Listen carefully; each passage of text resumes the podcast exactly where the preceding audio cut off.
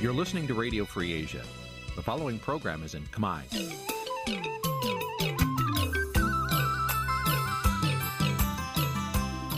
នេះជាកម្មវិធីផ្សាយ Vuthu Azizi Serai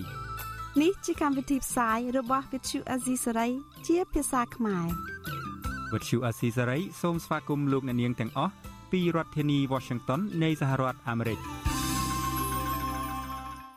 បាទពីរដ្ឋធានីវ៉ាស៊ីនតោនខ្ញុំបាទសេកបណ្ឌិតសូមជម្រាបសួរអស់លោកអ្នកនាងកញ្ញាទាំងអស់ជាទីមេត្រីយើខ្ញុំសូមជូនកម្មវិធីផ្សាយសម្រាប់ព្រឹកថ្ងៃពុទ្ធ5កើតខែជេឆ្នាំថោះបញ្ញស័កពុទ្ធសករាជ2567ត្រូវនឹងថ្ងៃទី24ខែឧសភា គ្រិស្តសករាជ2023បាទជាដំបូងនេះសូមអញ្ជើញអស់លោកអ្នកនាងស្ដាប់ព័ត៌មានប្រចាំថ្ងៃដែលមានមេត្តាដូចតទៅ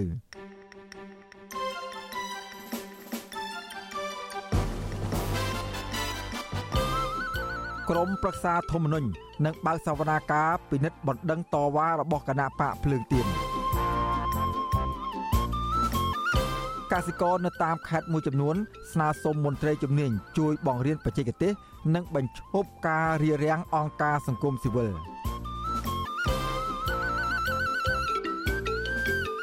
ពលរដ្ឋជិត100នាក់នៅខេត្តកណ្ដាលស្នើសុំកិច្ចអន្តរាគមន៍ពីលោកសខេងឲ្យដកហូតអាជ្ញាប័ណ្ណបូមខ្សាច់ពីក្រុមហ៊ុនឯកជន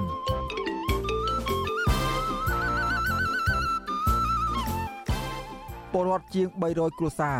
នៅខេត្តបាត់ដំបងស្នើសុំឲ្យអាជ្ញាធរថ្នាក់ជាតិដោះស្រាយចំនួនដីធ្លីជាមួយនឹងក្រុមហ៊ុនចិនរួមនឹងព័ត៌មានសំខាន់សំខាន់មួយចំនួនទៀត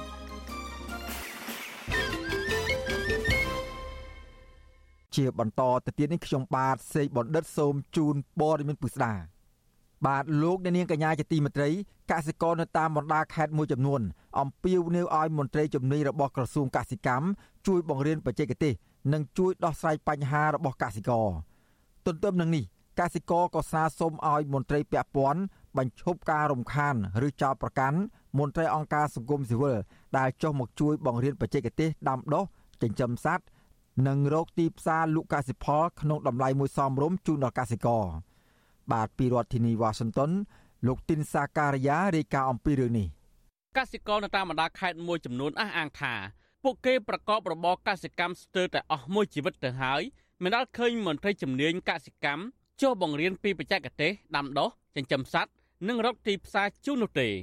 កសិករនៅខេត្តកំពង់ស្ពឺលោកស្រីមុំសុភីថ្លែងថា តាំងពីឪពុកម្ដាយលោកស្រី ជាកសិករហើយរហូតមកដល់បច្ចុប្បន្នលោកស្រីវ័យ44ឆ្នាំមិនដាល់បានជួបមន្ត្រីជំនាញពីក្រសួងកសិកម្មជួយដោះស្រាយបញ្ហារបស់កសិករនោះទេ លោកស្រីអំពាវនាវឲ្យមន្ត្រីជំនាញចុះទៅជួយលោកស្រីកសិករជាច្រើន កំពុងតែជួបការលំបាកពីព្រោះតាជីនិងថ្នាំ រួមទាំងថ្លៃដើម នៃការផលិតផ្សេងទៀតឡើងថ្លៃខ្ពស់ប៉ុន្តែទិន្នផល ដែលប្រមូលបានយកមកលក់នៅលើទីផ្សារក្នុងតម្លៃទាបខ្ញុំ ចង់ឲ្យក្រសួងកសិកម្មយកចិត្តទុកដាក់ចំពោះកសិករកសិផលដែលផលិតបានទីមួយមានទីផ្សារសម្រាប់ឲ្យពលរដ្ឋលក់ព្រោះអីឥឡូវចំណេញនៅទីផ្សារឡើងថ្លៃជីឡើងថ្លៃប្រេងឡើងថ្លៃរបស់កសិករថោកចង់ឲ្យឡើងថ្លៃដូចប្រទេសគេនៅជិតខាង គេផលិតបានកសិករគេមិនខ្វះទេទីផ្សាររកទីផ្សារឲ្យកសិករផងរីឯនៅខេត្តស្វាយរៀងឯនោះវិញអ្នកសម្រុកសម្រួលសហគមន៍កសិកររមៀហែកនៅខេត្តស្វាយរៀង លោកស្រីខៀវសរុនថ្លែងថាលោកស្រីមានវ័យ50ឆ្នាំហើយមិនដាល់ជួបមន្ត្រីកសិកម្មទៅជួយបង្រៀនជំនាញនិងជួយដោះស្រាយបញ្ហាផ្សេងផ្សេងទាក់ទងនឹងមុខរបរកសិកម្មនេះទេលោកស្រីបញ្ជាក់ថានៅពេលដែលលោកស្រីនិងកសិករផ្សេងទៀតបានស្គាល់លោកថេងសាវឿននៅឆ្នាំ2013ទើបទទួលបានការបណ្ដោះបណ្ដាលពីរបៀបផលិតជីនិងការចិញ្ចឹមសត្វនិងរកទីផ្សារលោកស្រីខៀវសរុនទៀមទាឲ្យថ្នាក់ដឹកនាំដោះលែងលោកថេងសាវឿន លោកស្រីក៏ជំរុញឲ្យមន្ត្រីពាក់ព័ន្ធសហការជាមួយសមាគមរបស់លោកថេងសាវឿននិងអង្គការសង្គមស៊ីវិលផ្សេងទៀតជួយដល់កសិករដែលកំពុងតែជួបការលំបាកយើងបើនិយាយមែនទែនទៅពួកយើងមិននៅក្មេងទេពួកយើងចាស់ព្រោះថាបកដារយនៃជីវិតមួយមួយប៉ុន្តែអ្វីដែលពួកយើងឃើញកន្លងមកគឺអត់មានអាជ្ញាធរចុះជួយតែយើងរឿងកសិកម្មមានតែលោកថៃសវឿននិងក្រុមការងាររបស់គាត់នៅគឺចុះជួយយើងក្នុងកសិកម្មអញ្ចឹងហើយអ្វីដែលពួកយើងត្រូវធ្វើគឺសូមឲ្យមានការដោះលែងលោកថេងសវឿនចំណែកកសិករម្នាក់ទៀតនៅខេត្តកណ្ដាលឯនេះវិញលោកងៀបតៃសុងឲ្យដឹងដែរថាបច្ចុប្បន្នកសិករនៅតំបន់របស់លោកនៅក្នុងស្រុកស្អាងភាគច្រើនទុកដីទំនេរចោលគឺមានកសិករមិនដល់5%ទេដែលកំពុងតែដាំដុះបន្លែលោកបញ្ជាក់ថាមូលហេតុដែលប្រជាកសិករទុកដីទំនេរចោលនេះពីព្រោះពេលដាំដុះចំណាយថ្លៃដើមច្រើនប៉ុន្តែពេលប្រមូលផលលក់ក្នុងតម្លៃទាបនៅលើទីផ្សារនឹងគ្មានអ្នកទិញ ធ្វើឲ្យកសិករខាតបង់ហើយថែមទាំងចម្ពាក់បំណុលធនាគារថែមទៀតផងកសិករយើងនៅនេះឥឡូវនេះដូចខ្ញុំសង្កេតឃើញថានៅពេលដែលបន្លែថ្លៃអញ្ចឹងគាត់មិនសូវមានលក់ទេមូលហេតុដោយសារគាត់អស់ទឹកចិត្តធ្វើដោយសារខាត់ច្រើនដងពេកអញ្ចឹងទៅដល់គាត់ជប់ធ្វើជប់ធ្វើទៅបន្លែវាមិនក្តៅផងអីផងពិបាកដាំទៅវាឡើងថ្លៃទៅហើយឡើងថ្លៃហ្នឹងកសិករ 2 3%ទេដែលបានលក់អា90%ទៀតអត់បានលក់ទេដោយសារអីអស់អស់លុយដាំលោកងៀបតែសងបន្ថែមថាលោកក៏ត្រូវមន្ត្រីកសិកម្មខេត្តកណ្ដាលទៅប្រមានដល់ផ្ទះដោយសារតែផ្សព្វផ្សាយរូបភាពជួបន្លាយចោលដោយមូលហេតុគ្មានអ្នកទិញនៅក្នុងឆ្នាំ2011ក្រុមកសិករអះអាងថាពួកគាត់មានការសោកស្ដាយដល់រដ្ឋាភិបាលចាប់ខ្លួនលោកថេងសវឿនប្រធានសមាគមសម្ព័ន្ធសហគមន៍កសិករនិងសហការីពីរូបទៀតពីព្រោះពួកគាត់កន្លងមក បានធ្វើការងារសកម្មក្នុងការជួយដល់កសិករពេលជួបទុក្ខលំបាកពួកគាត់បារម្ភថាការចាប់ខ្លួនលោកថេងសវឿននិងសហការីពីរូបទៀតហើយចោទប្រកាន់ពីបទរូបគណក្បត់និងញុះញង់នេះជាបទចោទធ្ងន់ធ្ងរធ្វើឲ្យអង្គការសមាគមផ្សេងផ្សេងទៀតលែងហ៊ានជួយដល់កសិករវិទ្យុអសិរ័យមិនអាចតតងแนะនាំពាក្យក្រសួងកសិកម្មកញ្ញាអឹមរចនាដើម្បីសួរអំពីបញ្ហានេះបានឡើយទេនៅថ្ងៃទី23ឧសភាទោះជាយ៉ាងណានៅក្នុងខែឧសភានេះលោកនាយករដ្ឋមន្ត្រីហ៊ុនសែនបានក្រៅរំលឹក ដល់មន្ត្រីរបស់លោកឲ្យយកចិត្តទុកដាក់បន្ថែមក្នុងការដោះស្រាយបញ្ហាជូនដល់កសិករដែលកំពុងតែជួបបញ្ហាថ្លៃដើមខ្ពស់តែកសិផលលក់បានថ្លៃទាបបើសិនជាកសិករយើងផលិតនៅតែមានតម្លៃខ្ពស់ការប្រកួតប្រជែងក្នុងក្របខ័ណ្ឌទីផ្សារជាមួយប្រទេសដទៃតែយើងត្រូវនាំចូលយកមកគ្រប់គ្រងក្នុងស្រុកដែលវាថោកជាងផលិតក្នុងស្រុកនោះវានៅតែជាបញ្ហានៅតែជាបញ្ហា ចឹងសូមបន្តរួមគ្នាមិនមែនគ្រាន់តែក្រសួងកសិកម្មម្នាក់ឯងត្រូវធ្វើទេវាមានក្រសួងពាក់ព័ន្ធដទៃទៀតរាប់ទាំងក្រសួងសេដ្ឋកិច្ចហិរញ្ញវត្ថុរាប់ទាំងធនាគារដែលទៅធ្វើនៅលើរឿងនេះទោះបីជាលោកហ៊ុនសែនបានអំពាវនាវបែបនេះក៏ដោយក៏ប៉ុន្តែលោកមិនបានដាក់ផែនការជាក់លាក់ក្នុងការជួយដល់កសិករនោះទេ ពីព្រោះថានេះមិនមែនជាលើកទី1ទេដែលលោកហ៊ុនសែនបានអំពាវនាវនោះនៅពេលកន្លងមក លោកហ៊ុនសែនបានអំពាវនាវដូចគ្នាដែរជាពិសេសនៅមុនពេលបោះឆ្នោតមកដល់ក៏ប៉ុន្តែកសិករនៅតែជួបការលំបាកដដែលគ្មានអ្នករវីរវល់នោះឡើយកាលពីឆ្នាំ2020លោកហ៊ុនសែនធ្លាប់លើកឡើងពីគម្រោងធ្វើឲ្យកម្ពុជាក្លាយជាអធិរាជត្រីអណ្ដែងដើម្បីអាចផ្គត់ផ្គង់តម្រូវការនៅក្នុងស្រុកនិងអាចនាំចេញទៅលក់នៅក្រៅប្រទេសក៏ប៉ុន្តែក្រោយមកគម្រោងនេះក៏ស្ងាត់ទៅវិញហើយកម្ពុជា នៅតែត្រូវការនាំចូលបន្លែត្រីសាច់ ពីក្រៅប្រទេសដដែលជាពិសេសគឺនាំចូលពីប្រទេសវៀតណាមរបាយការណ៍របស់ក្រសួងកសិកម្មនៅចុងឆ្នាំ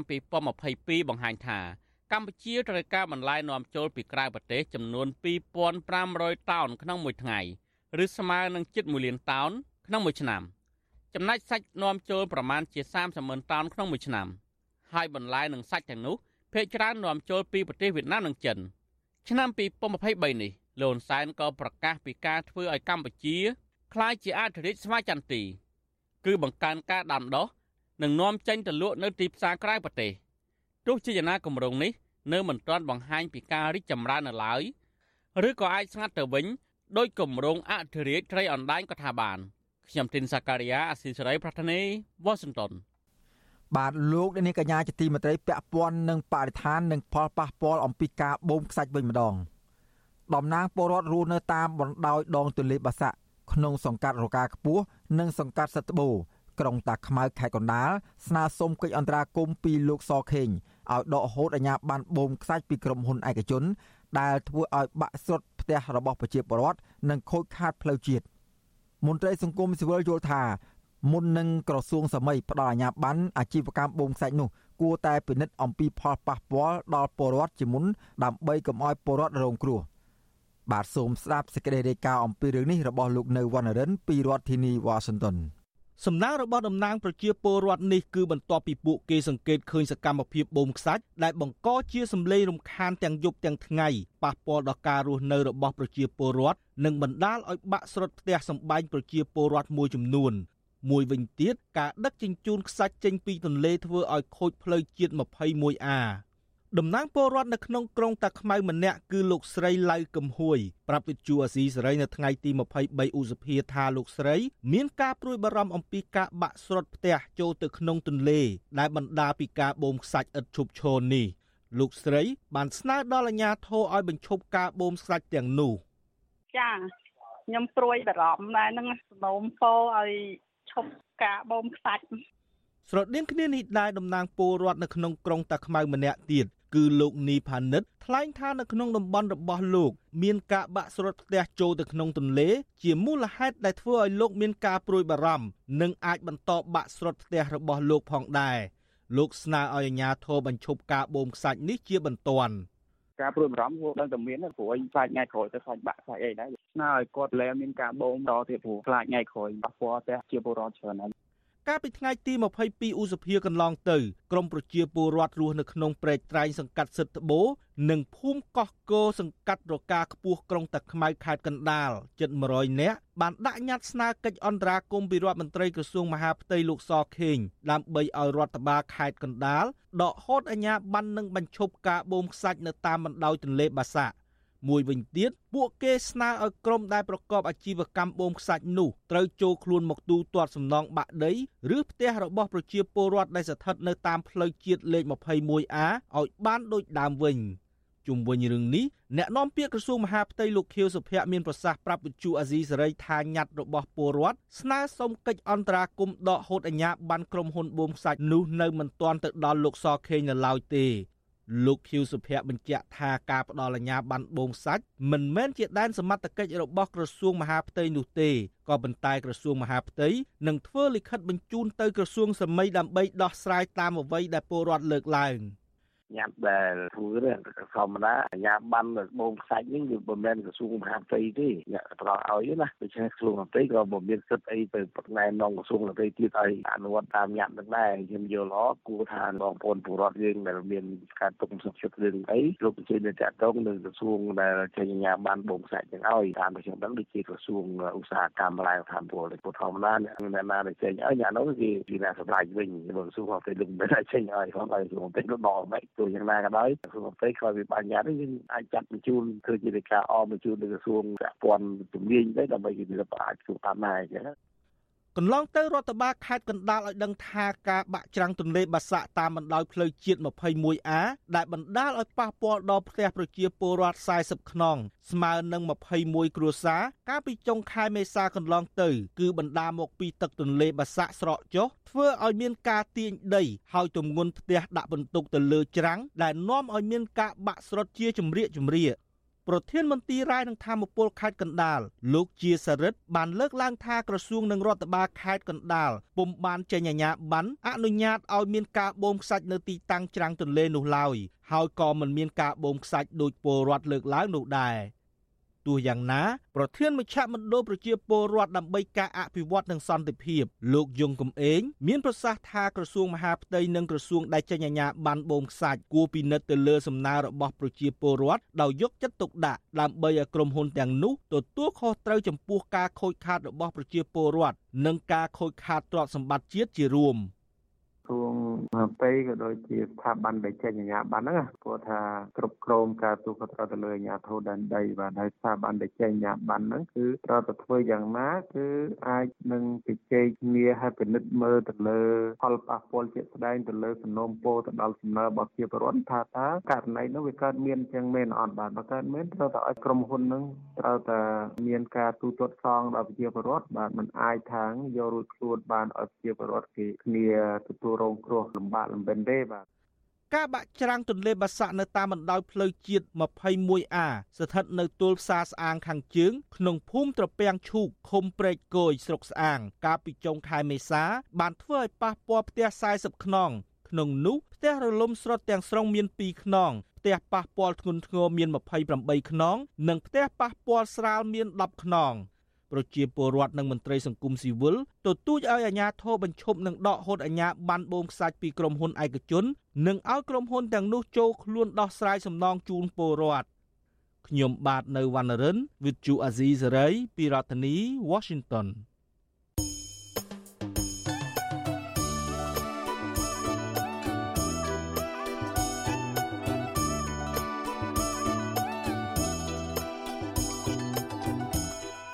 បាទលោកអ្នកនាងកំពុងតាមដានស្ដាប់ការផ្សាយរបស់វិទ្យុអសីសេរីពីរដ្ឋធានីវ៉ាស៊ីនតោនសហរដ្ឋអាមេរិកបាទក្រៅពីលោកអ្នកនាងតាមដានស្ដាប់ការផ្សាយរបស់យើងខ្ញុំតាមរយៈបណ្ដាញសង្គមមាន YouTube Facebook និងប្រព័ន្ធសង្គម Telegram នោះលោកអ្នកនាងក៏អាចស្ដាប់ការផ្សាយរបស់វិទ្យុអសីសេរីតាមរយៈវិទ្យុរលកធារកាសខ្លីឬ Shortwave តាមកម្រិតនិងកម្ពស់ដូចតទៅនេះបាទពេលព្រឹកចាប់ពីម៉ោង5កន្លះដល់ម៉ោង6កន្លះ តាមរយៈប៉ុស SW 12.14 MHz ស្មើនឹងកម្ពស់ 25m ប៉ុស SW 13.71 MHz ស្មើនឹងកម្ពស់ 22m នៅពេលយប់ចាប់ពីម៉ោង7កន្លះដល់ម៉ោង8កន្លះតាមរយៈប៉ុស SW 9.33 MHz ស្មើនឹងកម្ពស់ 32m ប៉ុស SW 11.88 MHz ស្មើនឹងកម្ពស់ 25m និងប៉ុស SW 12.14 MHz ស្មើនឹងកម្ពស់ 25m បាទសូមអរគុណ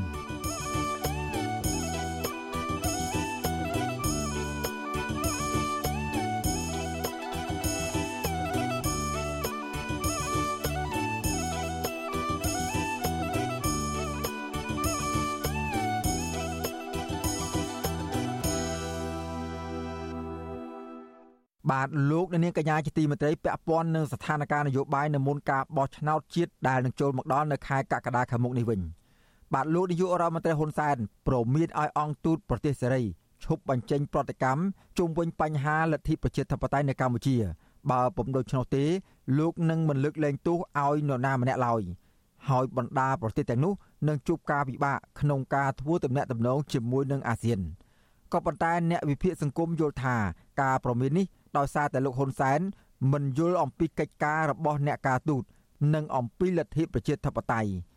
បាទពីរដ្ឋធានីវ៉ាស៊ីនតោនលោកទីនសាការីយ៉ាមានសេចក្តីរាយការណ៍មួយទៀតអំពីព័ត៌មាននេះរយៈពេល2ថ្ងៃជាប់គ្នាលោកហ៊ុនសែនបានវាប្រហារបណ្ដាអង្គទូតប្រទេសប្រជាធិបតេយ្យដើម្បីឲ្យពួកគេបញ្ឈប់បញ្ចេញប្រតិកម្មជំវិញនឹងបញ្ហានយោបាយនៅកម្ពុជាបន្តទៀតប៉ុន្តែនៅវិភាគមើលឃើញថាទោះបីជាលោកហ៊ុនសែនប្រើប្រាស់សារគម្រាមធ្ងន់ធ្ងរយ៉ាងណាក៏ដោយក៏អង្គទូតទាំងនោះ នៅតែប្រកាន់ចំហការទូតបែបទន់ភ្លន់ដើម្បីជួយសម្របសម្រួលឲ្យមានការផ្សះផ្សាជាតិដោះស្រាយវិបត្តិនយោបាយដែលនៅជាប់គាំងនៅកម្ពុជានៅពេលបច្ចុប្បន្ននិវិភាននយោបាយលោកកំសុកប្រាប់វិទ្យុអាស៊ីសេរីនៅថ្ងៃទី23អូសភាដែលលោកបានចាត់ទុកការប្រមានរបស់លោកហ៊ុនសែនទៅបណ្ដាប្រទេសលោកសេរីថាលោកហ៊ុនសែនមិនបានយល់អំពីរបបប្រជាធិបតេយ្យនិងនយោបាយការទូតលោកបន្តថានៅក្នុងរបបប្រជាធិបតេយ្យអ្នកការទូតមិនមែនជួបតែភាគីលោកហ៊ុនសែនតែម្ខាងនោះឡើយ។ ហើយក្នុងនយោបាយការទូតគឺអ្នកការទូតត្រូវតែប្រកាន់យកនៅភាពទន់ភ្លន់រាក់ទាក់និងអត់ធ្មត់ដើម្បីជួបគូចំនួនគ្រប់ភាគី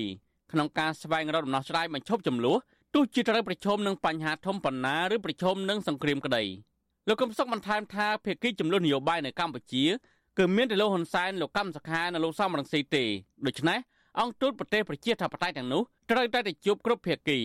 ដើម្បីរកកន្លឹះដោះស្រាយភាពជាប់គាំងនយោបាយនៅកម្ពុជា។ ខ្ញុំឧទាហរណ៍ជូនមេរៀនការទូតមួយដល់លោកហ៊ុនសែនទៅចោះដើម្បីចូលរួមចំណែករកដំណោះស្រាយវិបត្តិដែលលោកពូទីនឈ្លានពានប្រទេសអ៊ុយក្រែនកន្លងមកប្រធានាធិបតីនៃប្រទេសឥណ្ឌូនេស៊ីវីដូដូបានទៅជួបទាំងភាគីលោកពូទីនទាំងភាគីលោកសេលេនស្គីនៃប្រទេសអ៊ុយក្រែនបើទោះបីជាឥណ្ឌូនេស៊ីមានជំហរថ្កោលទោសប្រទេសរុស្ស៊ីដែលឈ្លានពានប្រទេសអ៊ុយក្រែនក៏ដោយប៉ុន្តែជាផ្លូវដោះស្រាយត្រូវតែជួប ទាំងពីរភាគីដើម្បីអាចស្វែងរកការពិភាក្សារកគន្លឹះទំលាយភាពទាល់ច្រកដែលកំពុងតែកើតមានឡើងលោកហ៊ុនសែនត្រូវយល់មេរៀនហ្នឹងការលើកឡើងរបស់អ្នកវិភាគនយោបាយបែបនេះធ្វើឡើងបន្ទាប់ពីលោកហ៊ុនសែនបានបន្តប្រតិកម្មទៅបណ្ដាអង្គទូតលោកសេរីដែលបានទៅជួបសួរសុខទុក្ខលោកកម្មសខាប្រធានគណៈបកសង្គ្រោះជាតិនាពេលកន្លងទៅហើយពួកគេទាមទារឲ្យរដ្ឋាភិបាលលោកហ៊ុនសែនដោះលែងមេបកប្រឆាំងរូបនេះឲ្យមានសេរីភាពឡើងវិញផ្ទុយទៅវិញលោកហ៊ុនសែនចាត់ទុកទង្វើទាំងនេះ ថាជាការធ្វើនយោបាយការបរទេសបែបប្រហើនចាប់ដៃជន់ជើង ប្រមាថលោកដោយកូនក្មេងបៀមដៃនិងជាការជិតជ្រែកកិច្ចការផ្ទៃក្នុងរបស់កម្ពុជាទៅវិញលោកសានអះអាងជាថ្មីថាដោយសារតែនយោបាយធ្វើឲ្យលោកមិនទុកចិត្តនេះហើយបានជាលោកមិនព្រមស្នើសុំទៅព្រះមហាក្សត្រដើម្បីលើកលែងទោសឲ្យលោកកម្មសខានោះនៅក្នុងពិធីសម្ពោធអាគារមជ្ឈមណ្ឌលពហុឯកទេសជាផ្លូវការនៅមន្ទីរពេទ្យកាឡាម៉ែត នៅថ្ងៃទី23ឧសភាលោកហ៊ុនសែនក៏ប្រមានអង្គទូតប្រទេសលោកសេរីឲ្យរក្សាភាពស្ងៀមស្ងាត់ដោយមិនត្រូវបញ្ចេញប្រតិកម្មជុំវិញនឹងបញ្ហាប្រជាធិបតេយ្យនៅកម្ពុជាចាប់ពីពេលនេះរហូតដល់ការបោះឆ្នោតជ្រើសតាំងតំណាងរាស្ត្រនៅខែកក្កដាខាងមុខលោកហ៊ុនសែនអះអាងថាការគៀបសង្កត់លើកម្ពុជាគឺស្មើនឹងការគៀបសង្កត់លើអាស៊ានហើយលោកនឹងប្រើប្រាស់សមាជិកភាពរបស់កម្ពុជានៅអាស៊ានធ្វើជាប្រសារាំងស្ទះក្នុងកិច្ចការតំណែងតំណងរវាងក្រុមប្រទេសលោកសេរីទាំងនោះ មិនឲ្យចេញសេចក្តីថ្លែងការណ៍ណាមួយរួមគ្នាបានឡើយលោកក៏ប្រមានថាបើអង្គទូតទាំងនោះនៅតែស្នើឲ្យដោះលែងអ្នកជាប់ឃុំណាម្នាក់គឺអ្នកនោះលោកនឹងមិនស្នើទៅព្រះមហាក្សត្រឲ្យដោះលែងនោះទេអញ្ចឹងសូមមើលកម្ពុជាឲ្យផុតពីកម្ពុជា គឺកម្ពុជាជាសមាជិកអាស៊ានដែលមានសិទ្ធិមិនព្រមចេញសេចក្តីថ្លែងការណ៍ណាមួយអានឹងគ្រាន់តែសុំបញ្យល់គ្នាព្រោះអ្នកខ្លះមកធ្វើទូតមកធ្វើកិច្ចការខ្លះ គឺអត់បានយល់អំពីអ្វីដែលហៅថារចនាសម្ព័ន្ធអាស៊ាននេះសង្កត់កម្ពុជាក៏ប៉ុន្តែកុំភ្លេចថាបើសង្កត់កម្ពុជាស្មើនឹងសង្កត់អាស៊ានដែរលោកសែនបានចោទប្រកាន់ក្រុមប្រទេសលោកសេរីដែរថានៅគៀកការបោះឆ្នោតជ្រើសតាំងតំណាងរាស្ត្រនៅខែកក្កដាខាងមុខនេះមកដល់ពួកគេបាននាំគ្នារិះគន់លោកពីគ្រប់ទិសទីដោយលោកហ៊ុនសែនហាក់ចង់សម្ដៅទៅលើការរិះគន់ទាំងបញ្ហាប្រជាធិបតេយ្យសិទ្ធិមនុស្សនិងបញ្ហាមូលដ្ឋានទ័ពជើងទឹកនៅរៀមជាដើមលោកហ៊ុនសែនថាលោកមិនអាចអត់ធ្មត់ នឹងការរិះគន់ទាំងនោះទៀតទេព្រោះជាការរំខានសម្រាប់លោកលោកសែនបានបញ្ចេញប្រតិកម្មដូចនេះធ្វើឡើងបន្ទាប់ពីបណ្ដាប្រទេសមួយចំនួន បានរិះគន់ជាថ្មីជំវិញនឹងកោជបមិនអនុញ្ញាតឲ្យគណៈបកភ្លើងទៀនអាចចោះឈ្មោះចូលរួមការបោះឆ្នោតជ្រើសតាំងតំណាងរាស្ត្រនាពេលខាងមុខបានបណ្ដាទូតទាំងនោះសហភាពអឺរ៉ុបស្ថានទូតបារាំងនិងអូស្ត្រាលីជាដើមបានបញ្ចេញប្រតិកម្មសោកស្ដាយចំពោះការរារាំងគណៈបកភ្លើងទៀននិងសម្ដែងក្តីព្រួយបារម្ភថា អវត្តមានគណៈបកប្រឆាំងក្នុងការបោះឆ្នោតនឹងធ្វើឲ្យប៉ះពាល់ដល់លទ្ធិប្រជាធិបតេយ្យនៅកម្ពុជាបណ្ដាអង្គទូតទាំងនោះបានអំពាវនាវឲ្យរៀបចំការបោះឆ្នោតដោយសេរីតម្លាភាពនិងពហុបកស្របតាមខ្លឹមសារនៃកិច្ចព្រមព្រៀងទីក្រុងប៉ារីសឆ្នាំ1991និងរដ្ឋធម្មនុញ្ញកម្ពុជាជំវិញនឹងលោកហ៊ុនសែនចាប់ប្រកាន់អង្គទូតប្រទេសលោកសេរីថាបានជិតជ្រែកកិច្ចការផ្ទៃក្នុងរបស់កម្ពុជានោះត្រូវបានលោកកឹមសុខលើកឡើងថា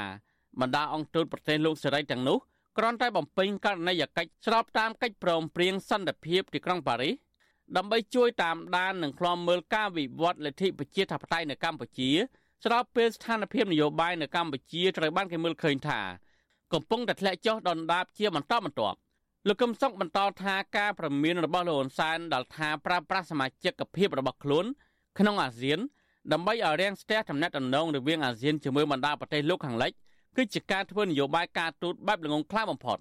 លោកយល់ថាកម្ពុជាគ្រាន់តែជាសមាជិកភាពជំនាន់ក្រោយមិនមានអធិបុលដោយបណ្ដាប្រទេសសមាជិកអាស៊ានផ្សេងទៀតដែលមានអធិបុលដូចជាឥណ្ឌូនេស៊ីម៉ាឡេស៊ីហ្វីលីពីន សង្ហបុរីនិងថៃដែលជាស្ថាបនិកនិងសមាជិកសំខាន់របស់អាស៊ាននោះឡើយហើយបណ្ដាប្រទេសទាំងនេះសុទ្ធសឹងតែជាសម្ព័ន្ធមិត្តរបស់អាមេរិកនិងក្រុមប្រទេសលោកខាងលិចទាំងភូមិសាស្ត្រនយោបាយនិងសេដ្ឋកិច្ចផ្ទុយទៅវិញ លោកកឹមសុខបានប្រៀបធៀបលោកហ៊ុនសែនមិនខុសពីមេដឹកនាំរបបយោធានៅភូមិមាននោះឡើយដែលសហគមន៍អន្តរជាតិកំពុងតែពិចារណាដាក់សម្ពាធបន្ថែមដើម្បីផ្លាស់ប្តូររបបផ្ដាច់ការនៅក្នុងតំបន់អាស៊ានលោកបន្តថាលោកហ៊ុនសែនទៅវិញទេ ដែលមិនគួរប្រហើននឹងត្រូវចេះសម្រាប់សម្រួលកិច្ចការផ្ទៃក្នុងរបស់ជាតិដោះស្រាយបញ្ហាជាប់កែននយោបាយទើបទទួលបានការសាទរពីសហគមន៍អន្តរជាតិនិងប្រជាពលរដ្ឋបើមិនដូច្នោះទេ អន្តរជាតិនឹងអាចចាត់វិធានការជាក់ស្ដែងដោយមិនចាំបាច់ប្រមានជាមុនពីព្រោះកម្ពុជាមិនមែនជាប្រទេសដែលមានឥទ្ធិពលខាងសេដ្ឋកិច្ចពាណិជ្ជកម្មនិងមានភាពស៊ីវិល័យខាងនយោបាយដូចជាបណ្ដាប្រទេសធំធំដែលសហគមន៍អន្តរជាតិត្រូវស្ទាក់ស្ទើរចាត់វិធានការនោះឡើយចំណែកឯអ្នកនាំពាក្យស្ថានទូតសហរដ្ឋអាមេរិកប្រចាំនៅកម្ពុជានៅស្រី Stephanie Azad ប្រាប់វិទ្យុអាស៊ីសេរីតាមសារអេឡិចត្រូនិកកាលពីថ្ងៃទី22ឧសភាថាការលើកកម្ពស់លទ្ធិប្រជាធិបតេយ្យនិងការគោរពសិទ្ធិមនុស្ស ជាចំណុចស្នូលនៃគោលនយោបាយការបរទេសរបស់អាមេរិកនៅកម្ពុជានិងជំវិញពិភពលោក ហើយសារ៉ាអាមេរិកមិនគាំទ្របកគលស្ថាប័នឬគណៈបកនយោបាយណាមួយឡើយខ្ញុំធីនសាការីយ៉ាអាស៊ីសេរីប្រធានីវ៉ាស៊ីនតោនបាទលោកនាងកញ្ញាជាទីមេត្រីពាក់ព័ន្ធនឹងគណៈបកភ្លើងទៀនឯនោះវិញអគ្គលេខាធិការនៃក្រមប្រឹក្សាធម្មនុញ្ញឲ្យដឹងថាក្រមប្រឹក្សាធម្មនុញ្ញនឹងបើកកិច្ចប្រជុំពេញអង្គនៅព្រឹកថ្ងៃទី25ខែឧសភាខាងមុខ ដែលដឹកនាំដោយប្រធានក្រុមប្រឹក្សាធម្មនុញ្ញលោកអឹមឈុនលឹមដើម្បីពិនិត្យនិងសម្រេចលើបណ្ដឹងតវ៉ារបស់គណៈបកប្រឆាំងដ៏មានឥទ្ធិពលមួយនេះដែលបានប្តឹងទាស់សេចក្តីសម្រេចរបស់គណៈកម្មាធិការជ្រៀបចំការបោះឆ្នោតហៅកាត់ថាគោចបនិងទាមទារឲ្យកោចបទទួលចុះបញ្ជីគណៈបករបស់ខ្លួនសម្រាប់ការបោះឆ្នោតជ្រើសតាំងតំណាងរាស្ត្រអាណត្តិទី7 សេចក្តីប្រកាសព័ត៌មានរបស់ក្រមប្រឹក្សាធម្មនុញ្ញនេះចុះផ្សាយនៅល្ងាចថ្ងៃទី23ខែឧសភាឲ្យដឹងទៀតថាក្រមប្រឹក្សាធម្មនុញ្ញក៏នឹងពិនិត្យនិងសម្រេចលើបណ្ដឹងរបស់គណៈបកមហាសាមគ្គីជាតិខ្មែរប្តឹងសុំឲ្យក្រមប្រឹក្សាធម្មនុញ្ញពិនិត្យនិងសម្រេចពីលទ្ធភាពស្ដីពីការចុះបញ្ជីឈោឈ្មោះបោះឆ្នោតរបស់គណៈបកនេះក្នុងការបោះឆ្នោតដែលនឹងប្រព្រឹត្តទៅនៅខែកក្កដាខាងមុខនេះផងដែរ។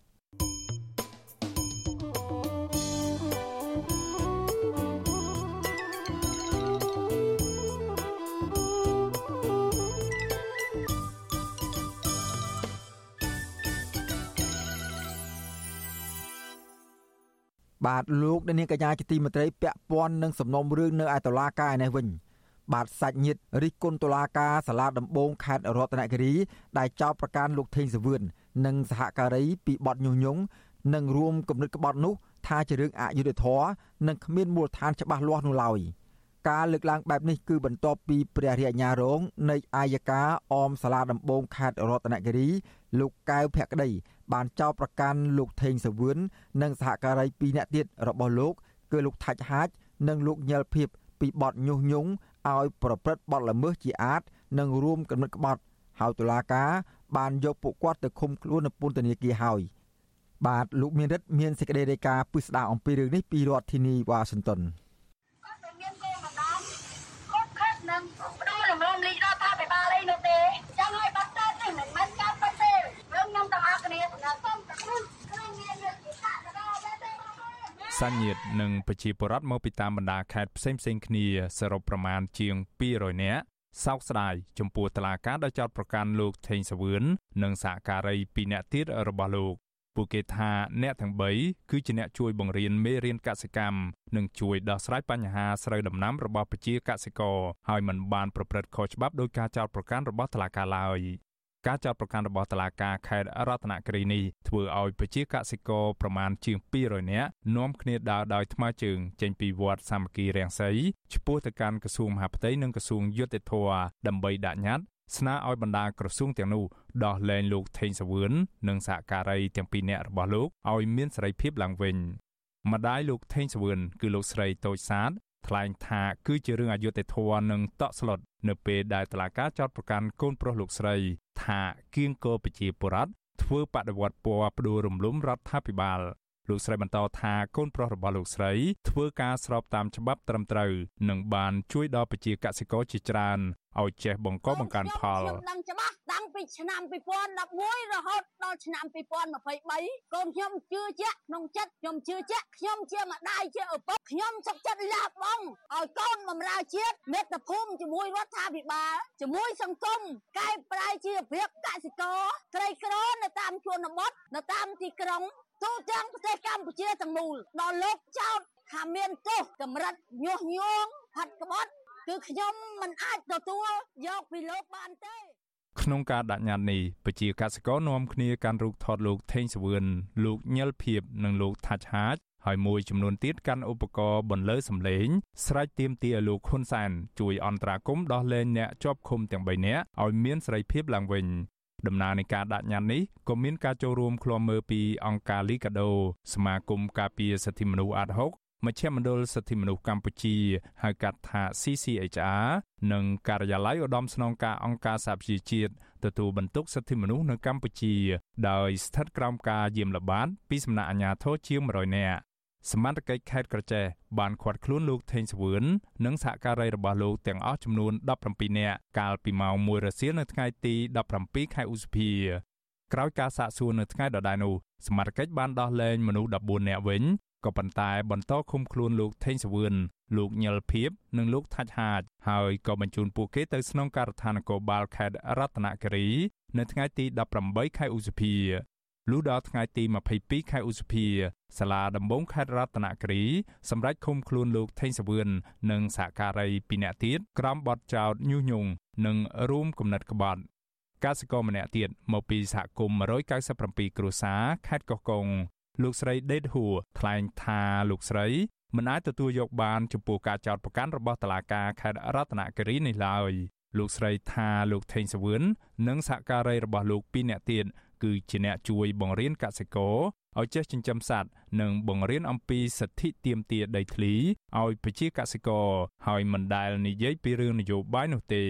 លោកស្រីបន្តថាលោកស្រីនឹងតវ៉ាទាមទាររោគយុត្តិធម៌ជូនលោកថេងសវឿន រហូតដល់តុលាការទម្លាក់ចោលបទចោទប្រកាន់ហើយដោះលែងអ្នកទាំង3ឲ្យមានសេរីភាពឡើងវិញបើសិនតែមិនមានការដោះលែងនោះទេជាកសិករនិងសហគមន៍ពួកយើងអត់អាចទៅផ្ទះវិញដែរវិញទេដោយសារពួកយើងមិនអាចចូលគាត់បានទេតាយើងយើងខ្ញុំទាំងអស់គ្នានឹងខិតខំពុតធ្វើយុទ្ធនាការលុត្រាណាតែបានលោកទាំង3ត្រឡប់មកវិញហើយនឹងរួចទោសរួចផុតទោសចាប៉ុន្តែខ្ញុំនៅតែមានចិត្តសង្ឃឹមដោយសារតែសម្ដេចជាទម្លប់នឹងបីដាធម្មជាតិនៅលើពិភពលោកបីដាធម្មជាតិនៅប្រទេសកម្ពុជានេះនឹងលឺសារកូនចៅកំពុងតែយំស្រែក Visual C ស្រីមិនអាចតាក់ទងแนะនាំពីអាយកាអមសាលាដំបងខេត្តអរតនគិរីលោកកៅភក្តីដើម្បីសាកសួរជុំវិញរឿងនេះបាននៅឡើយទេនៅថ្ងៃទី23ខែឧសភា ពាក់ព័ន្ធនឹងបញ្ហានេះអ្នកនាំពាក្យសមាគមការពារសិទ្ធិមនុស្សអាត់ហុកលោកសឹងសានករណា មានប្រសាសន៍ថារដ្ឋាភិបាលចោទប្រកាន់លោកថេងសវឿននិងសហការីទាំងពីរនាក់របស់លោកបែបនេះគឺមិនឆ្លុះបញ្ចាំងពីការពិតនោះឡើយលោកថាលោកថេងសវឿនបានជួយលើកកម្ពស់ជីវភាពរបស់ប្រជាកសិករនិងបង្រៀនឲ្យពួកគាត់ យល់ដឹងពីសិទ្ធិសេរីភាពរបស់ពួកគាត់ដែលស្របតាមច្បាប់កម្ពុជាកំពុងតែរងការរិះគន់ពីសហគមន៍អន្តរជាតិទៅលើការរំលោភបំពានសិទ្ធិមនុស្សហើយនិងលទ្ធិប្រជាធិបតេយ្យដែលកំពុងតែធ្លាក់ចុះនៅក្នុងប្រទេសកម្ពុជានឹងអញ្ចឹងគួរតែមានការបើកឲ្យទលំទលាយករណីនេះផងរួមទាំងករណីផ្សេងទៀតនឹងឲ្យមានភាពល្អប្រសើរឡើងនិងអាចថាស្ដារនៅអ្វីដែលជារងការរិះគន់រងការចោទប្រកាន់នានាពីសហគមន៍អន្តរជាតិនឹងហើយក្រៅពីប្រជាកសិករជាង200នាក់ដែលមកពីតាមបណ្ដាខេត្តផ្សេងៗគ្នា រួមមានខេត្តកោះកុង កំពង់ស្ពឺ និងខេត្តសៀមរាបដើម្បីតវ៉ាទាមទារដោះលែងលោកថេងសវឿននោះក៏នៅមានប្រជាកសិកររាប់រយនាក់ផ្សេងទៀតនៅតាមបណ្ដាខេត្តមួយចំនួន ដែលមិនបានឡើងមកចូលរួមការតវ៉ានៅរាជធានីភ្នំពេញបាននាំគ្នាបង្ហោះសារនៅលើបណ្ដាញសង្គម រីឯប្រជាកសិករមួយចំនួននៅខេត្តសៀមរាបបាននាំគ្នាធ្វើពិធីតាមបែបសាសនាបួងសួងសុំឲ្យអាជ្ញាធរដោះលែងលោកថេងសវឿននិងសហការីឲ្យមានសេរីភាពឡើងវិញលោកថេងសវឿនគឺជាប្រធានសមាគមសម្ព័ន្ធសហគមន៍កសិករកម្ពុជាហៅកាត់ថា CCFC ដែលធ្វើការដើម្បីលើកកម្ពស់ជីវភាពកសិករនិងពង្រឹងសិទ្ធិអំណាចរបស់ក្រុមកសិករដែលងាយរងគ្រោះពីការអភិវឌ្ឍលើពីនេះទៀត លោកថេងសវឿនក៏ជាសកម្មជនការពារសិទ្ធិកម្មករដែលធ្លាប់ត្រូវបានកម្លាំងសមត្ថកិច្ចវាយឲ្យរបួសត្រង់ក្បាល និងបញ្ជូនយកទៅឃុំខ្លួននៅពន្ធនាគារដោយសារតែលោកបានចូលរួមទាមទារឲ្យរដ្ឋាភិបាលលោកហ៊ុនសែនដំឡើងប្រាក់ខែឲ្យកម្មករយ៉ាងតិចត្រឹម160ដុល្លារក្នុងមួយខែ នៅផ្លូវវែងស្រេងកាលពីខែមករាឆ្នាំ2014កន្លងទៅ ក្រមគ្រួសារប្រជាកសិករនិងមន្ត្រីសង្គមស៊ីវិលទទូចឲ្យរដ្ឋាភិបាលលោកហ៊ុនសែនដោះលែងអ្នកជាប់ឃុំទាំង3នាក់ឲ្យមានសេរីភាពឡើងវិញពីព្រោះពួកគេថាការចាប់ចងបែបនេះនឹងធ្វើឲ្យកម្ពុជាបាត់បង់ធនធានមនុស្សដែលអាចជួយដល់សង្គមជាតិខ្ញុំបាទមេរិត Visual C ស្រីពីរដ្ឋធានី Washington thank you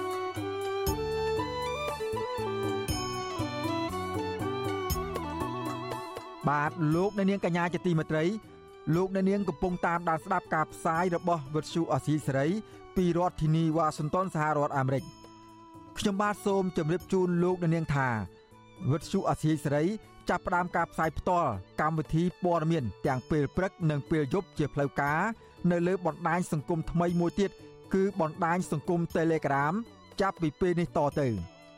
បាទលោកអ្នកនាងអាចស្វែងរក Telegram ផ្លូវការរបស់វិទ្យុអាស៊ីសេរីដោយស្វែងរកពាក្យថាវិទ្យុអាស៊ីសេរីឬ RFA ខ្មែរនៅលើទូរស័ព្ទដៃរបស់អស់លោកអ្នកនាង Telegram ផ្លូវការរបស់វិទ្យុអាស៊ីសេរី មានសញ្ញាធីកជាសម្គាល់ក្រុមការងារវិទ្យុអាស៊ីសេរីនឹងព្យាយាមរិះរោបវិទ្យុបាយថ្មីថ្មីបន្ថែមទៀតដើម្បីផ្ដល់ភាពងាយស្រួលដល់លោកអ្នកនាង ក្នុងការស្ដាប់ និងទស្សនាការផ្សាយព័ត៌មានរបស់វិទ្យុអាស៊ីសេរី បាទសូមអរគុណ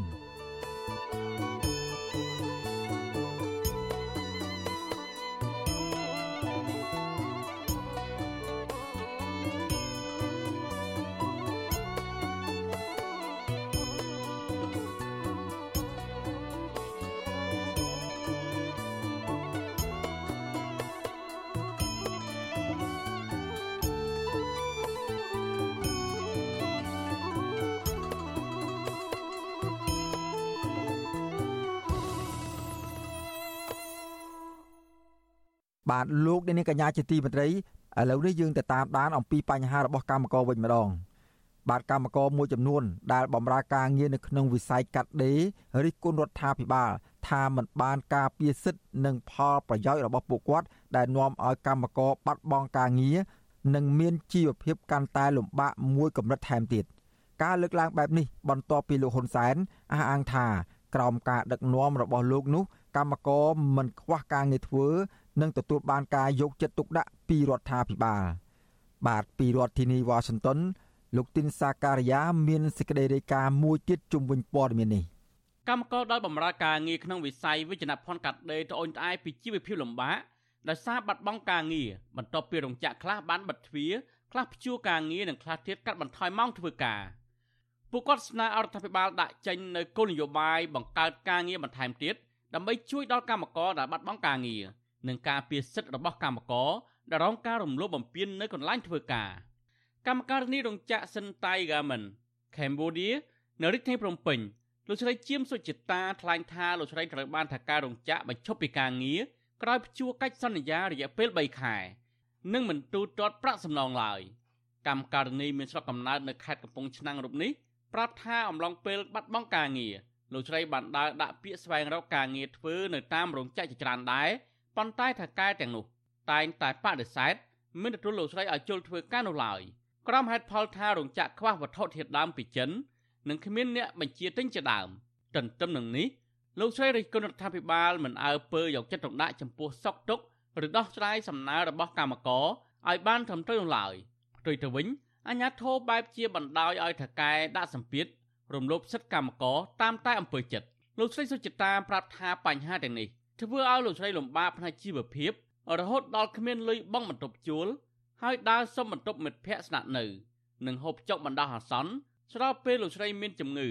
ត្រូវការវះកាត់នៅមន្ទីរពេទ្យថែមទៀតផងនោះខ្ញុំពិបាកខ្លាំងតែនបងរហូតដល់ខ្ញុំសុំបាយមិត្តភ័ក្តិហូបហើយខ្ញុំយំផងអីផងហើយខ្ញុំឲ្យហ៊ានទៅផ្ទះវិញទេខ្លាចម៉ែឪគាត់ពិបាកចិត្តណាមួយជីវភាពពួកខ្ញុំដឹងស្រាប់ហើយអ្នកស្រែខ្វះខាតណាស់ហើយខ្ញុំនិយាយប្រាប់ពុកថាពុកអើយខ្ញុំរោងចក្របញ្ឈប់ពីការងារហើយខ្ញុំអត់ទាន់មានលុយផ្ញើទៅស្រុកទេអញ្ចឹងហើយពុកទ្រាំទៅទ្រាំទៅសុំលោកភាសាបាយសិនទៅតាមថ្ងៃណាខ្ញុំមានលុយចាំខ្ញុំផ្ញើទៅហើយកូនខ្ញុំហ្នឹងនៅស្រុកហ្នឹងពេញពីរៀនរើសអិតចាយយកលុយពុតគង់រៀនសូត្រប្រហាក់ប្រហែលគ្នាដែរកម្មការនីម្នាក់ទៀតនៅសង្កាត់ស្ទឹងមានជ័យលោកស្រីព្រំសុភី ប្រាប់ថាបច្ចុប្បន្នជីវភាពគ្រួសារលោកស្រីកំពុងតែយ៉ាប់យ៉ឺនខ្លាំងក្រោយពីរោងចក្រដិនហានដែលមានកម្មកររាប់រយនាក់បានបិទទ្វារខ្សែធនលោកស្រីត្អូញត្អែថារោងចក្រកាត់ដេរថ្មីដែលលោកស្រីកំពុងបម្រើការងារគឺលោកស្រីទទួលបានប្រាក់ឈ្នួលបូកនិងប្រាក់អត្ថប្រយោជន៍បានប្រមាណជា250ដុល្លារក្នុងមួយខែស្របពេលតំណែងនៅលើទីផ្សារសពផ្សាររពើឡើងថ្លៃក្រមុកដែលធ្វើឲ្យកម្មកររស់នៅទាំងត្រដាបត្រដួស និងជំពាក់បំណុលធនាគារលោកស្រីដឹងថាស្ថានភាពកម្មករពិបាករកការងារធ្វើដោយសារតែរោងចក្រសហគ្រាសបាត់ទ្វារនិងកាត់បន្ថយម៉ោងធ្វើការដោយសពថ្ងៃហើយថាការរោងចក្រក៏មិនខ្វល់ពីសិទ្ធិរបស់កម្មករឬកេងប្រវ័ញ្ចកម្លាំងពលកម្មរបស់កម្មករនោះទេអីវ៉ាន់គឺឡើងថ្លៃគ្រប់ទំនិញគ្រប់មុខទំនិញទាំងអស់អញ្ចឹងប្រាក់ខែប៉ុណ្ណឹងកម្មករគាត់ចាយនៅតែអត់គ្រប់ទេសារការហូបចុក គឺឡើងថ្លៃការហូបសំបីតបាយប្រអប់ប្រអប់តែ2000 1500ក៏ឡើងមកប្រអប់3000ដែរអញ្ចឹងទោះការងារនឹងពិបាកជាងមុនចំណូលតិចជាងមុនក៏នៅតែប្រឹងដើម្បីដើម្បីកាពះដើម្បីគ្រួសារហើយបើយើងអត់រម្នាក់ក្នុងគ្រួសារគឺអត់មានគ្រប់គ្រាន់ទាំងអស់គ្នាមានអីចាយគ្រប់គ្រាន់គ្រួសារទេពួកខ្ញុំរាល់ថ្ងៃធ្វើការមួយថ្ងៃចាយមួយថ្ងៃមែនបងទីម្សិលមិញខ្ញុំរកតែលុយចាយប្រចាំក្នុងគ្រួសារអត់មានផងការត្អូញត្អែរបស់កម្មករដូចនេះ ធ្វើឡើងបន្ទាប់ពីលោកនាយករដ្ឋមន្ត្រីហ៊ុនសែនបានអះអាងថារដ្ឋាភិបាលក្រោមការដឹកនាំរបស់លោកគឺបានយកចិត្តទុកដាក់ពីសកទុករបស់កម្មករដោយបង្កើតការងារដំឡើងប្រាក់ខែគោលនិងជួយឧបត្ថម្ភប្រាក់សម្រាប់ស្ត្រីសម្រាប់កូនខណៈលោកអះអាងថាដំបងឡាយប្រាក់ឈ្នួលក្នុងវិស័យកាត់ដេរប្រមាណជា40ដុល្លារក្នុងមួយខែហើយបន្ទាប់មកដំឡើងបន្តិចម្ដងបន្តិចម្ដងមកដល់200ដុល្លារក្នុងមួយខែសម្រាប់ឆ្នាំ2023 លោកសែនថ្លែងនៅក្នុងពិធីសម្ដែងសម្ណាលជាមួយកម្មករជាង20000នាក់នៅតំបន់សេដ្ឋកិច្ចពិសេសក្រុងប្រសេះអនុលោកបានប្រកាសដាក់គោលនយោបាយបើកឧបត្ថម្ភសាច់ប្រាក់40000រៀលជូនដល់កម្មករដែលទៅពិនិត្យផ្ទៃពោះនៅមន្ទីរពេទ្យរហូតកូនមានអាយុ2ឆ្នាំហើយលោកអះអាងថាគោលនយោបាយនេះមិនមែនជាការសន្យាខ្យល់នោះឡើយលោកហ៊ុនសែនថាការពៀសន្តិភាពឲ្យបាន គឺបរដ្ឋមិនបារម្ភពីរឿងអត់ការងារធ្វើនោះទេ ដោយលោកហ៊ុនសែនឆ្លៀតឃោសនាថា មានតែគណៈបកកណ្ដាលអំណាចរបស់លោកទេ ដែលអាចការពារសន្តិភាព និងការពារឆ្នាំងបាយរបស់កម្មករបានសង្ឃឹមថានៅពេលដែលអ្វីអ្វីដំណើរការធម្មតាជាមួយសន្តិភាពជាមួយនឹងការអភិវឌ្ឍដែលយើងកំពុងមាននេះក្មួយក្មួយមានការងារធ្វើរហូតទៅដល់យើងដាក់ឲ្យអនុវត្តនៅសោធននិវត្តណៃសោធនសម្រាប់កម្មករកម្មការនេះរបស់យើង ដែលនេះគឺជាគោលនយោបាយជាក់លាក់របស់យើងមិនមែនជាបញ្ហាកញ្ឆក់កណ្ដៀតដោយគោលនយោបាយបោកប្រាស់នោះទេអ្នកខ្លះសន្យាប្រាក់ខែប៉ុណ្ណេះអ្នកខ្លះសន្យាប្រាក់ខែប៉ុណ្ណោះបែងថ្លៃគ្នាក៏ប៉ុន្តែសម្រាប់យើងគឺទៅបន្តិចម្ដងបន្តិចម្ដងទោះបីជាយ៉ាងនេះក្តីប្រធានសហភាពការងារកម្ពុជាលោកអាត់ថុនមានប្រសាសន៍ថារោងចក្រមួយចំនួននឹងបិទទ្វារជាបន្តបន្ទាប់ហើយការគោរពសិទ្ធិកម្មករក៏នឹងកាន់តែធ្លាក់ចុះ ស្របពេលសហជីពដែលការពារផលប្រយោជន៍កម្មករកាន់តែរងនឹងការរឹតបន្តឹងក្នុងពេលបំពេញការងារនិងពិបាកចុះបញ្ជីនៅក្រសួងការងារជាដើមលោករំលឹកថាការចរចាកំណត់ប្រាក់ឈ្នួល ប្រព្រឹត្តទៅជារៀងរាល់ឆ្នាំ គឺកើតឡើងដោយសារកម្មករនិងសហជីពក្នុងវិស័យកាត់ដេរចេញតវ៉ាទាមទារយ៉ាងសកម្មនាពេលកន្លងមកប៉ុន្តែលោកមើលឃើញថាបច្ចុប្បន្ននេះប្រាក់ឈ្នួល និងការគាំពៀសង្គមផ្សេងៗក្នុងការជួយដល់កម្មករខ្មែរមិនទាន់ល្អប្រសើរដែលធ្វើឲ្យពួកគាត់រស់នៅក្នុងជីវភាពសមរម្យបាននោះទេបើធៀបនឹងប្រទេសជិតខាង។ ពេលបច្ចុប្បន្ននៅពេលដែលកម្មករកាត់ដេរទៀមទាឡើងប្រាក់ឈ្នួលអបបរមាណាតវ៉ាទៀមទាមានស្លាប់មានអីទីបំផុតបានទៅប៉ុន្តែវិស័យផ្សេងអត់ទាន់ទៀមទាមើលបច្ចុប្បន្នមាននៅពីណាអត់មានការកំណត់ប្រាក់ឈ្នួលទេគឺផ្ដល់ឲ្យស្រេចតែអំពើចិត្តទេយកកម្មករហ្នឹងឲ្យឲ្យច្រើនហើយហើយនឹងត្រូវធានាថាពេលដែលគាត់បាត់បង់ការងារត្រូវត្រូវធានាយ៉ាងម៉េចគឺមានអធិការដែលនប់អំរងឬក៏មានថវិកាជួយណាជាពិសេសបងអាចទៅរួចអនុវត្តនៅអារបប unemployment ណាព្រោះអត់ទាន់អនុវត្តទេស្រុកខ្មែរហ្នឹងធ្វើឲ្យយោជកគាត់ចេះតែឈប់កម្មករទៅកម្មករអនុវិទ្យាហ្នឹងនៅដើមឆ្នាំ2023នេះមានរោងចក្រចំនួន10បានបិទទ្វារខណៈរោងចក្រចំនួន71បានព្យួរកិច្ចសន្យាការងារនិងរោងចក្រចំនួន60ផ្សេងទៀតបានកាត់បន្ថយបុគ្គលិកប៉ះពាល់ដល់កម្មករជាង32000នាក់និងច្រើនអ្នកទៀតបានបាត់បង់ការងារទាំងស្រុងតែម្ដងការបិទទ្វាររោងចក្រនិងព្យួរការងារកម្មករជាបន្តបន្ទាប់បែបនេះ ខាងភៀកគីរដ្ឋាភិបាលបានអះអាងថាបណ្ដាលមកពីសង្គ្រាមរុស្ស៊ីនិងអ៊ុយក្រែនទៅវិញ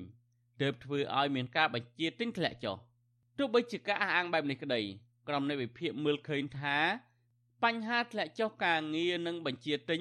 គឺបណ្ដាលមកពីការបាត់បង់ប្រព័ន្ធអនុគ្រោះពន្ធរបស់សហភាពអឺរ៉ុបនិងវិបត្តិនយោបាយនៅកម្ពុជាខ្លួនឯងទៅវិញទេដែលធ្វើឲ្យអ្នកវិនិយោគទុនបាត់បង់ផលចំណេញ និងបាត់ទំនុកចិត្តលើការបណ្ដាក់ទុនរកស៊ីនៅលើទឹកដីកម្ពុជាដែលក្រុមអ្នកវិភាគនិងសហគមន៍អន្តរជាតិមើលឃើញថា ជាប្រទេសដែលមានសន្តិភាពคล้ายៗនោះខ្ញុំធីនសាការីយ៉ាអស៊ីសេរីប្រធានីវ៉ាស៊ីនតោនបាទលោកនាងកញ្ញាជាទីមេត្រីពាក់ព័ន្ធនឹងវិស័យសុខាភិបាលវិញ ប្រជាពលរដ្ឋនិងអ្នកជំនាញវិទ្យាសាស្ត្ររិះគន់វិស័យសុខាភិបាលថា ខ្វះការយកចិត្តទុកដាក់ក្នុងការថែទាំព្យាបាលអ្នកជំងឺក្រីក្រខណៈគ្រូពេទ្យមួយចំនួនពុំបានបំពេញវិជ្ជាជីវៈត្រឹមត្រូវការលើកឡើងយ៉ាងដូចនេះបន្ទាប់ពីលោកហ៊ុនសែនប្រកាសថារដ្ឋាភិបាលរបស់លោកនឹងពង្រឹងក្រមសីលធម៌គ្រូពេទ្យនិងគុណភាពព្យាបាលជូនដល់ប្រជាពលរដ្ឋឲ្យបានប្រសើរឡើង បាទពីរដ្ឋធានីវ៉ាស៊ីនតោនអ្នកស្រីម៉ៅសុធានីរាយការណ៍អំពីរឿងនេះប្រជាពលរដ្ឋចង់ឃើញរដ្ឋាភិបាលលោកហ៊ុនសែន ពង្រឹងគុណភាពប្រព័ន្ធសុខាភិបាលប្រកបដោយគុណភាពនិងផ្ដល់សេវាព្យាបាលដែលមិនមានការរើសអើងទៅលើប្រជាពលរដ្ឋក្រីក្របរដ្ឋរស់នៅខេត្តកំពង់ធំកញ្ញារៀមត្រីពេជ្ររតនាប្រពន្ធស៊ីស្រី នៅថ្ងៃទី23ខែឧសភា ថាសប្តាហ៍បរដ្ឋទៅតាមស្រុកភូមិមិនសូវមកទទួលសេវាព្យាបាលជំងឺនៅមណ្ឌលសុខភាព ឬមន្ទីរពេទ្យរដ្ឋនោះទេពីព្រោះពួកគាត់មិនមានទំនុកចិត្ត ទៅលើគុណភាពសេវាសុខាភិបាលនិងក្រមសីលធម៌របស់គ្រូពេទ្យកញ្ញាប្រាប់ទៀតថាកញ្ញាសោកស្ដាយកាលពីខែមេសាកន្លងទៅប្អូនស្រីជាដូនមួយម្នាក់ដែលបានកាន់បានក្រីក្របានស្លាប់ក្រោយពេលដែលបញ្ជូនទៅសង្គ្រោះនៅមន្ទីរពេទ្យខ្មែរសូវៀតនៅក្នុងរាជធានីភ្នំពេញកញ្ញាបន្ថែមថាគ្រូពេទ្យនៅទីនោះបានទុកប្អូនរបស់កញ្ញាចោលមួយថ្ងៃមួយយប់ ដោយពំបានយកចិត្តទុកដាក់ព្យាបាលឲ្យទាន់ពេលវេលា ដែលបណ្ដាលឲ្យស្ថានភាពអ្នកជំងឺកាន់តែធ្ងន់ធ្ងររហូតមិនអាចសង្គ្រោះជីវិតបានឡើយកញ្ញាថាគ្រូពេទ្យបង្ហាញកាយវិការរឹកព្រាមិនសមរម្យនិងរើសអើងដោយសារតែអ្នកជំងឺប្រើបានក្រីក្រទាំងរដ្ឋាភិបាលគួរតែរឹតបន្តឹងទៅលើពេទ្យ ក៏ដូចជាពេទ្យហ្នឹងក៏គួរតែមុននឹងថាយើងធ្វើពេទ្យនេះយើងដាក់ចិត្តដើម្បីជួយជាប្រយោជន៍ដល់ពលរដ្ឋហើយសូមគុំគុំរើសអើងអ្នកមានអ្នកក្រពីព្រោះដោយសារពេលដែលយើងមានមនសិការមានចិត្តមួយទៅធ្វើជាពេទ្យគឺយើងសង្គ្រោះជីវិតទាំងជីវិតមនុស្សមិនថាអ្នកមានឬអ្នកក្រទេពួកគាត់មានសិទ្ធិមានជីវិតជាមនុស្សរស់នៅក្នុងផែនដីនៅក្នុងប្រទេសខ្មែរប្រទេសកម្ពុជាយើងទាំងអស់គ្នាទេស្រដៀងគ្នានេះដែរបរដ្ឋម្នាក់ទៀតរស់នៅខេត្តសៀមរាប លោកសំវុធីសង្កេតឃើញថាអាណាព្យាបាលភ្នាក់ច្រើនតែងតែយកកុមារពីបណ្ដាខេត្តមកទទួលសេវាព្យាបាលនៅមន្ទីរពេទ្យគន្ធពផាននិងមន្ទីរពេទ្យកុមារអង្គរសៀមរាបពួកគាត់ជឿជាក់លើសេវាសុខាភិបាលនៅមន្ទីរពេទ្យអង្គការទាំងនេះថាមានគុណភាពនិងមិនអស់កម្រៃប៉ុន្តែលោកថាបរដ្ឋក្រីក្រដែលរកសេវានៅមន្ទីរពេទ្យរដ្ឋវិញ គ្រូពេទ្យមួយចំនួនហាក់មិនសូវយកចិត្តទុកដាក់ជួយសង្គ្រោះឬគិតសំខាន់លើអាយុជីវិតរបស់មនុស្សឡើយលោកយល់ថាបើរដ្ឋាភិបាលសាងសង់មន្ទីរពេទ្យនិងដាក់ឧបករណ៍វិទ្យាសាស្ត្រនៅតាមមន្ទីរពេទ្យគ្រប់គ្រាន់នោះហើយរដ្ឋាភិបាលគូពិនិត្យមើលឡើងវិញតាក់ទងនឹងការផ្តល់សេវាសុខភាពជូនដល់ប្រជាពលរដ្ឋ ឲ្យរាជរដ្ឋាភិបាលគិតគូរចំពោះប្រជាពលរដ្ឋនៅក្នុងស្រុកដែលគាត់ខ្វះខាតថវិកាហើយយកចិត្តទុកដាក់ឲ្យខ្លាំងជាមួយនឹងអ្នកជំងឺដែលគាត់ក្រីក្រ បាទព្រោះយើងបច្ចុប្បន្នយើងឃើញអ្នកខ្លះអត់មានលុយទៅពេទ្យទេឈឺងាប់ស្លាប់ស្មាតោណានៅលើ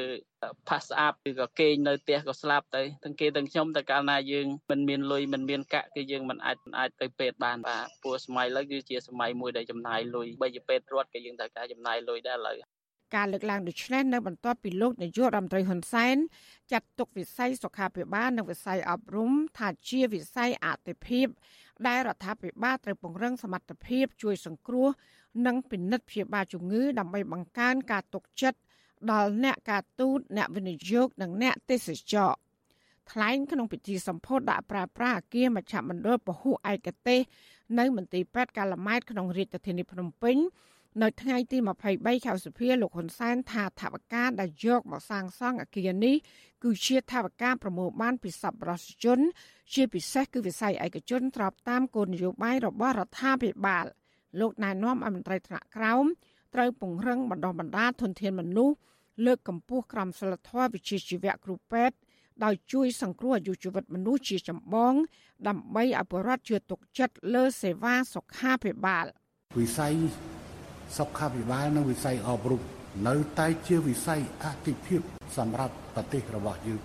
ហើយឥឡូវយើងមានមន្ទីរពេទ្យនៅទីនេះវាអាចកាត់បន្ថយបាននៅការលំបាករបស់ប្រជាជនសងគ្រោះជីវិតមនុស្សហើយយើងចោទចេញជាសំណួរថាតើមានមនុស្សប្រមាណអ្នកទៅតែមានលទ្ធភាពទៅព្យាបាលនៅប្រទេសក្រៅតិចណាស់បើដូច្នេះត្រូវរកមន្ទីរពេទ្យនៅក្នុងស្រុករបស់យើងនេះឯង ដែលយើងត្រូវតែពង្រឹងនៅសមត្ថភាពរបស់ខ្លួនបើទោះបីលោកហ៊ុនសែនអះអាងប្រាប់បរដ្ឋបែបនេះក្តី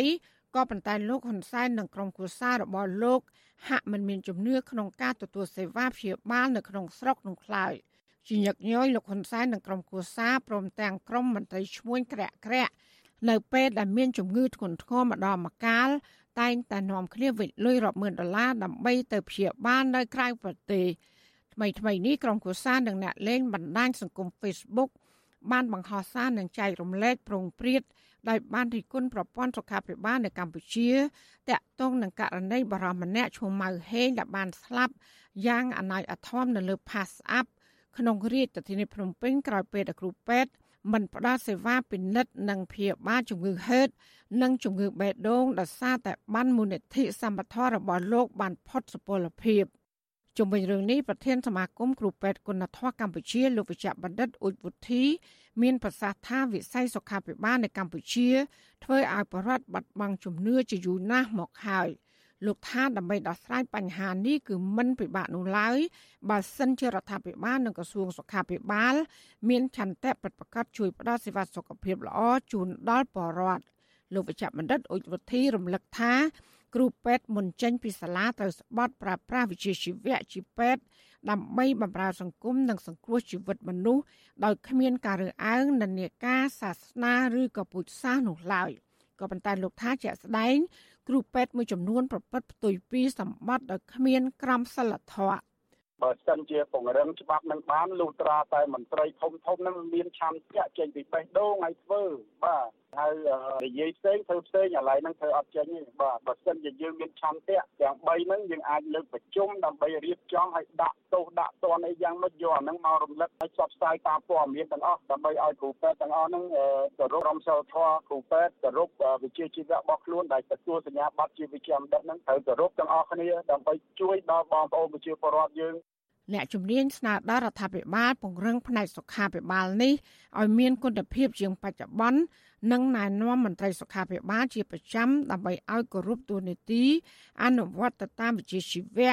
ដើម្បីផ្ដល់អតិភិបក្នុងការជួយសង្គ្រោះពលរដ្ឋដែលមានជីវភាពក្រីក្រឲ្យពួកគាត់មានការទុកចិត្ត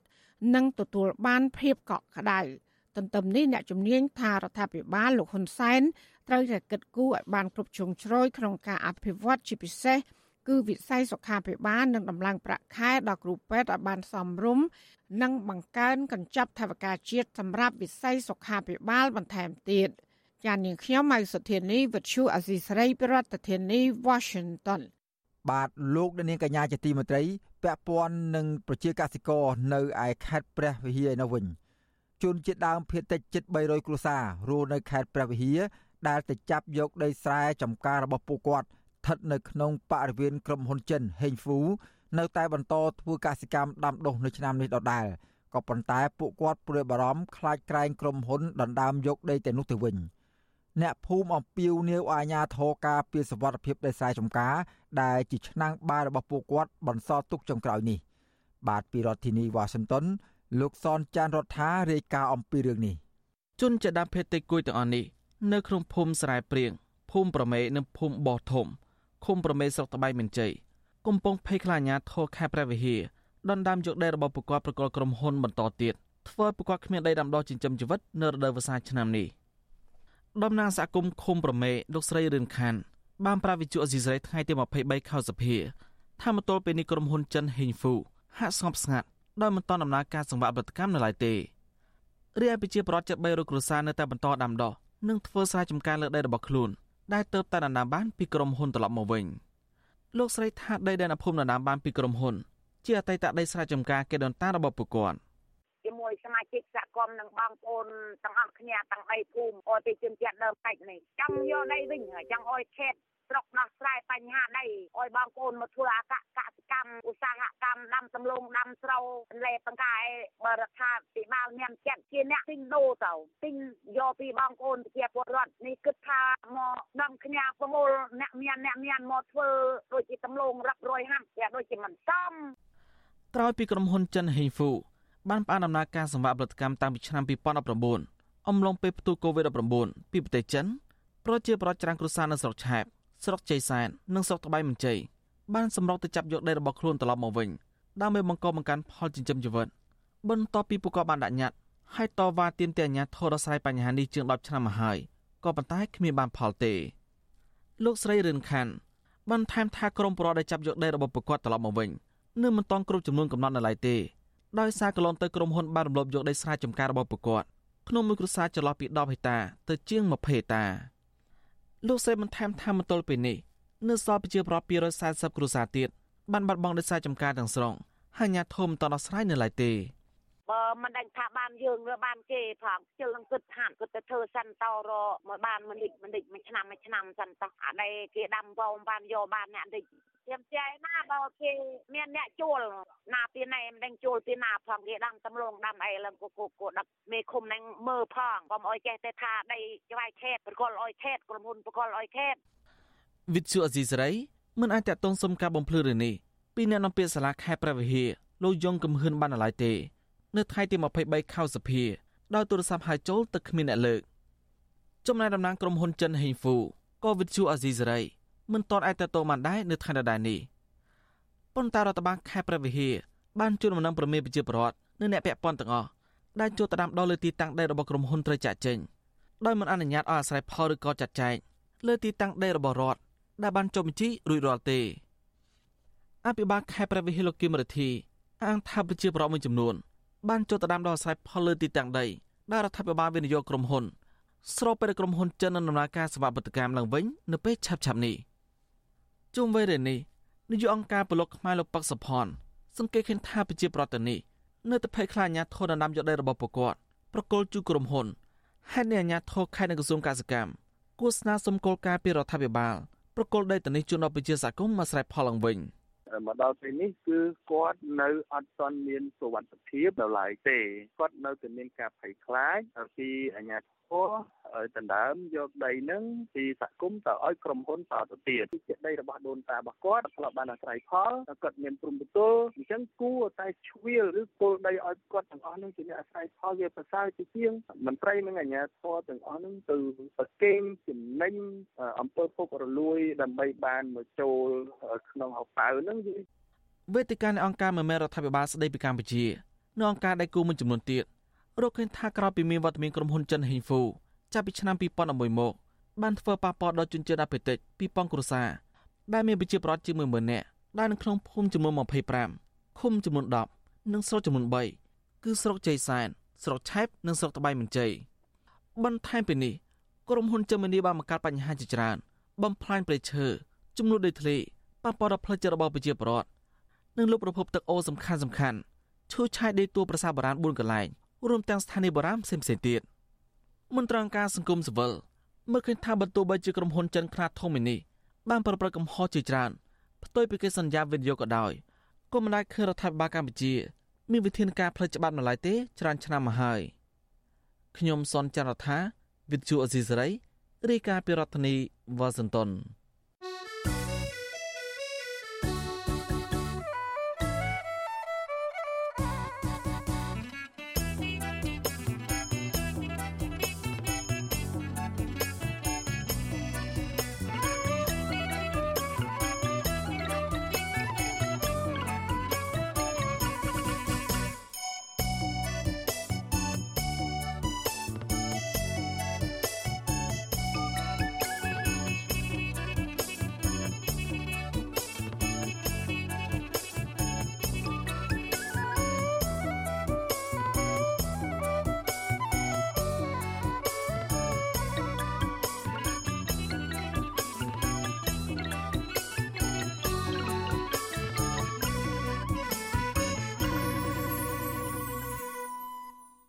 បាទលោកអ្នកនាងកញ្ញាជាទីមេត្រីការផ្សាយរយៈពេល1ម៉ោងរបស់វិទ្យុអសីស្រីសម្រាប់ព្រឹកនេះចប់តែប៉ុណ្ណេះយើខ្ញុំសូមគោរពជូនពរដល់អស់លោកអ្នកនាងឲ្យជួបប្រកបតែនឹងសេចក្តីសុខចម្រើនរុងរឿងកំបីគ្លៀងគ្លាតឡើយខ្ញុំបាទសេកបណ្ឌិតព្រមទាំងសហការីទាំងអស់នៃវិទ្យុអសីស្រីសូមអរគុណនិងសូមជម្រាបលា